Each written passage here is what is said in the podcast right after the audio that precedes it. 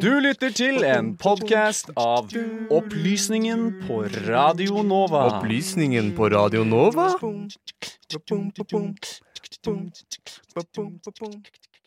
Det er dags for ukens Fem på fem, men denne gangen i en litt annen innpakning.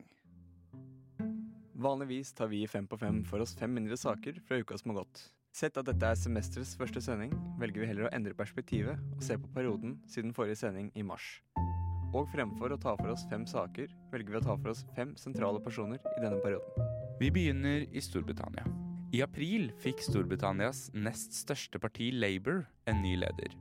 Sir Keir Starmer overtok etter Jeremy Corbyn, som valgte å trekke seg etter valget i desember 2019. Starmer, som er utdannet advokat, skiller seg ut fra sin forgjenger ved at han heller mot en mer sosialdemokratisk retning fremfor Corbyns mer radikale sosialisme. Starmer har ikke kastet bort tiden etter valget. Han har forsøkt å rydde opp i problemene Labour-partiet har hatt med det jødiske samfunnet, og han har stilt Boris til ansvar for både håndteringen av koronakrisen Does the Prime Minister accept that the government was too slow to in care homes? og den såkalte A-level-krisen, der flere videregående-elever fikk feil karakterer, rett og slett fordi de bodde i fattigere områder. Something has obviously gone horribly wrong. 40% of young people have had their grades downmarked, and that's thousands of individuals whose opportunities now may be dashed by this. Starmer virker å falle i god jord blant det britiske folket. Og ulike galluper viser samlet at 35% av briter ønsker Starmer som statsminister fremfor nåværende statsminister Boris Johnson, som kun har 31% Kan Keir Starmer greie å skape et sterkt Labour? Noe Jeremy Corbyn har slitt med hele hans periode? I Israel er det også politikere som strever. Sist vi snakket om Benjamin Netanyahu, var den kontroversielle israelske statsministeren både under etterforskning for korrupsjon og midt inne i en krevende valgkamp. For Netanyahu har sommeren vært begivenhetsrik. Etter et svært jevnt valg inngikk Netanyahu en uvanlig koalisjonsavtale med det mer liberale opposisjonspartiet Kahol Lavan. Netanyahu lanserte så planer om å annektere territorium på Vestbredden, før Tel Aviv og Abu Dhabi, til manges overraskelse, gikk sammen om en avtale som normaliserer forholdet mellom Israel og Emiratene. De blir nå det tredje arabiske landet med offisielle diplomatiske bånd til Israel. Netanyahus annekteringsplan ble så skrotet, og på hjemmebane fortsetter korrupsjonssaken i rettssystemet. Og en svært ustabil koalisjonsavtale gjør det vanskelig å styre landet. Fra en som har store problemer med å styre, til en som svært gjerne ønsker det. Denne helgen ble Joe Biden offisielt valgt til demokratenes presidentkandidat, og blir mannen som skal kjempe mot Trump om presidentvervet i november.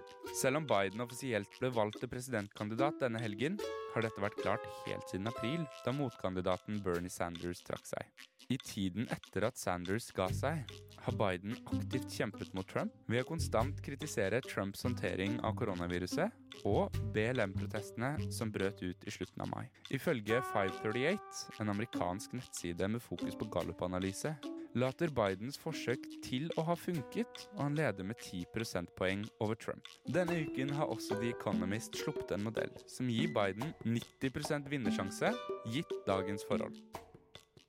Vi holder oss i USA litt til. Den tidligere Trump-støttespilleren og republikanske sjefstrategen Steve Bannon ble forrige uke arrestert og tiltalt for bedrageri etter å angivelig ha misbrukt midler fra en pengeinnsamling. Bannon var med å opprette stiftelsen We Build the Wall for å finansiere konstruksjonen av en amerikansk-meksikansk grensemur. Ifølge påtalemyndighetene skal deler av de innsamlede midlene ha gått til å finansiere en luksuriøs livsstil for Bannon og de tre andre sammensvorne. Gjennom falske fakturaer og skuffeselskap ble hundretusener av dollar borte fra We Build the Wall-kampanjen. Bannon ble arrestert om bord på en 150 fots luksusyacht eid av den kinesiske milliardæren Guo Wengui i delstaten Connecticut. Strafferammen for denne typen bedrageri er opptil 20 års fengsel. Fra USA og tilbake til vårt eget hjemland. Vi skal til venstre. I mars meldte lederen for partiet, Trine Skei Grande, at hun ville trekke seg som leder for partiet, og ikke stille til gjenvalg ved neste stortingsvalg.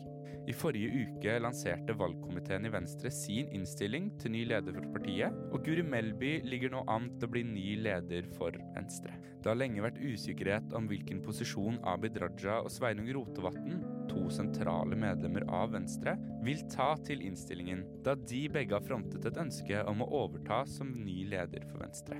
Men etter at innstillingen var kommet, uttalte de begge at de var fornøyde med sin innstilte posisjon som henholdsvis andre og første nestleder. Melby sitter i dag i rollen som utdanningsminister i regjeringen. Og om hun blir innvalgt til Venstre-partileder og blir den andre kvinnelige partilederen på rad, det får vi vite etter landsmøtet i september. Og eh, bak dagens, eh, og ukas for så vidt, eh, Fem på fem, står Sander Zakaria og Benjamin Nordtømme. Vi går rett videre til Yo, Joe, Yo Johnny og K med den deilige låta 'Pengedans' her på Radio Nova. Du har nå hørt en podkast fra Opplysningen 99,3. Finn denne og tidligere episoder på Spotify, iTunes eller der du måtte finne dine podcaster ellers.